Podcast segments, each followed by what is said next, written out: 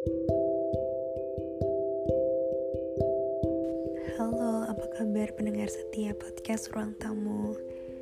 Uh, udah lama nggak bersua, udah lama kita nggak ngobrol-ngobrol lagi.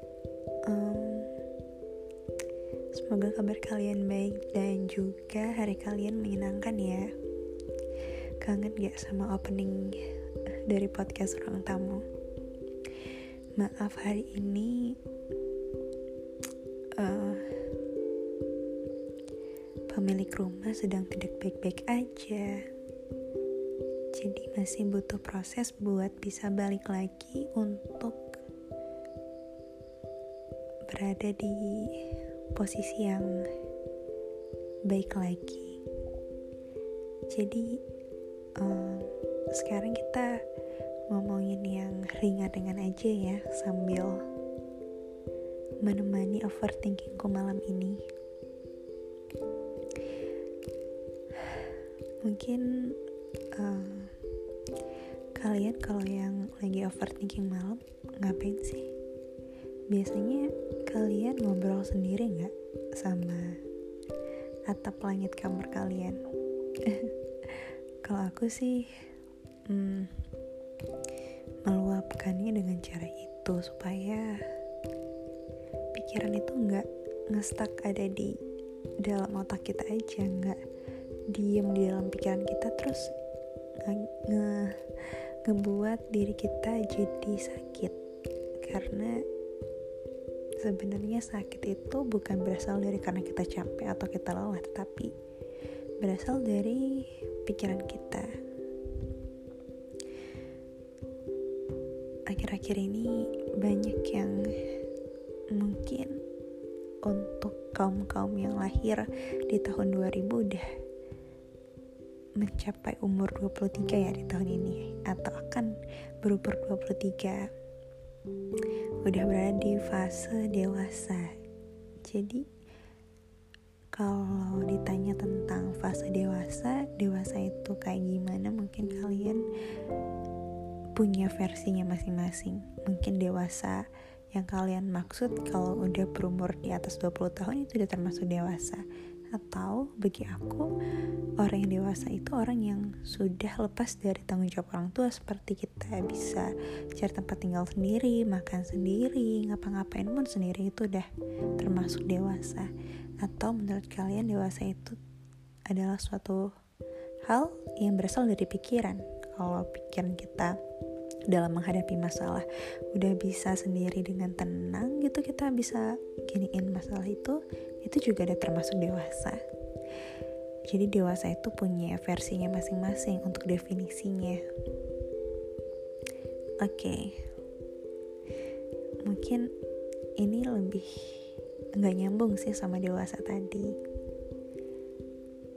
Uh, aku juga uh, ngerasa cuman aku aja mungkin yang ngerasain di titik ini.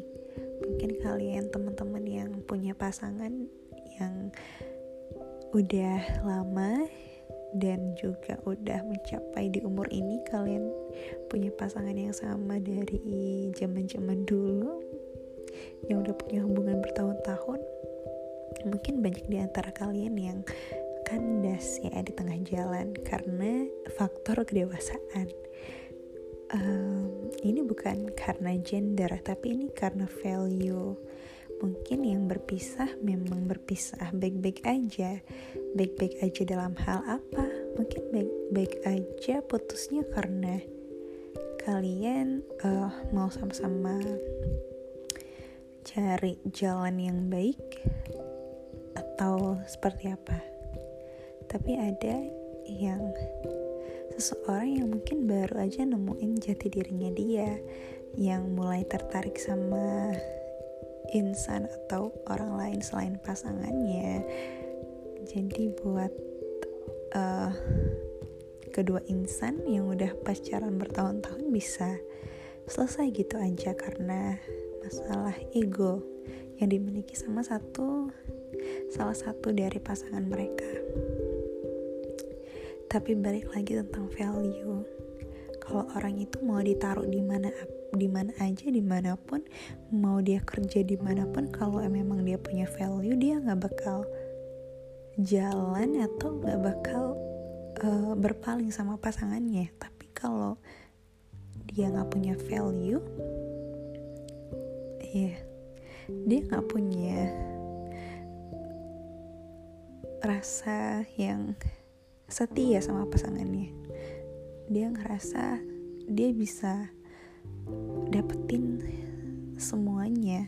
Mungkin dia ngerasa seperti itu karena mungkin dari visualnya yang bagus cara komunikasinya yang bagus atau seperti apa dia bisa memikat para seseorang yang lain selain pasangannya. Ini sepertinya agak sedikit jahat tapi di masa dewasa ini dengan aku yang banyak ketemu sama orang kenapa orang-orang tuh bilang semua cowok itu sama aja? Dia bakal dia bakal selingkuh gitu.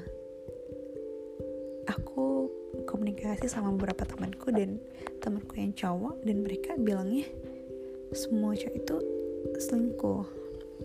Cuma ya waktunya beda-beda gitu. Uh, kalau aku bilang kayak gitu juga berarti sebenarnya cowok yang mana sih yang harus dipercaya? Dipercaya lagi kesetiaannya kan? Kalau dari pertama kita udah ngerasa dia tuh setia banget ya orangnya tapi ternyata semakin ke sini semakin lama ya bener juga ya kata teman-teman. Yang udah aku ajak ngomong katanya semua cowok itu sama. Lantas apa sih yang harus dipercaya dari seorang pasangan? Tapi balik lagi ya teman-teman. Ini bukan masalah gender. Mungkin bisa cewek bisa cowok. Tapi semua orang itu katanya bisa selingkuh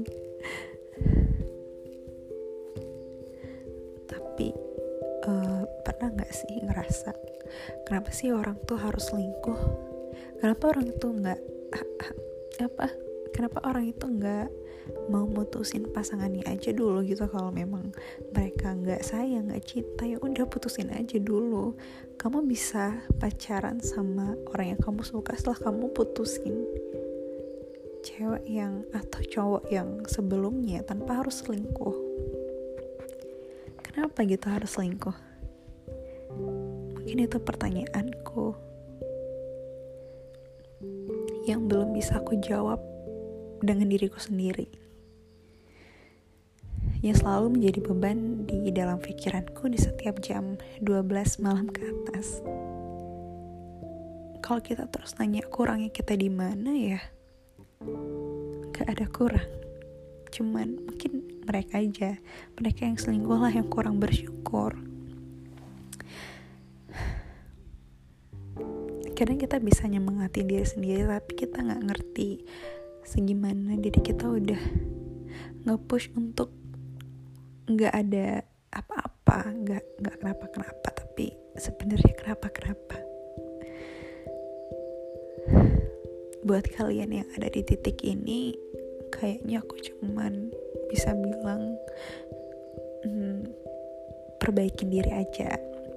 Perbaikin diri lebih baik uh, lebih banyak cerita sama Tuhan kalian lebih banyak ngambil uh, kegiatan yang positif tentunya dan buat diri kalian secapek-capeknya biar nanti pulang kerja atau pulang kuliah, pulang nugas atau pulang dari mana pun kalian udah capek dan tidur. Lalu besok bisa bangun lagi lebih lebih iya lebih lebih enakan dan menjalani aktivitas lebih bagus lagi. Semangat ya buat kalian yang lagi ada di titik ini. Aku yakin kamu bisa ngelaluinnya walaupun ya perlu waktu. Terima kasih sudah mendengar. Terima kasih sudah mampir. Sampai jumpa di episode ruang tamu berikutnya. Thank you.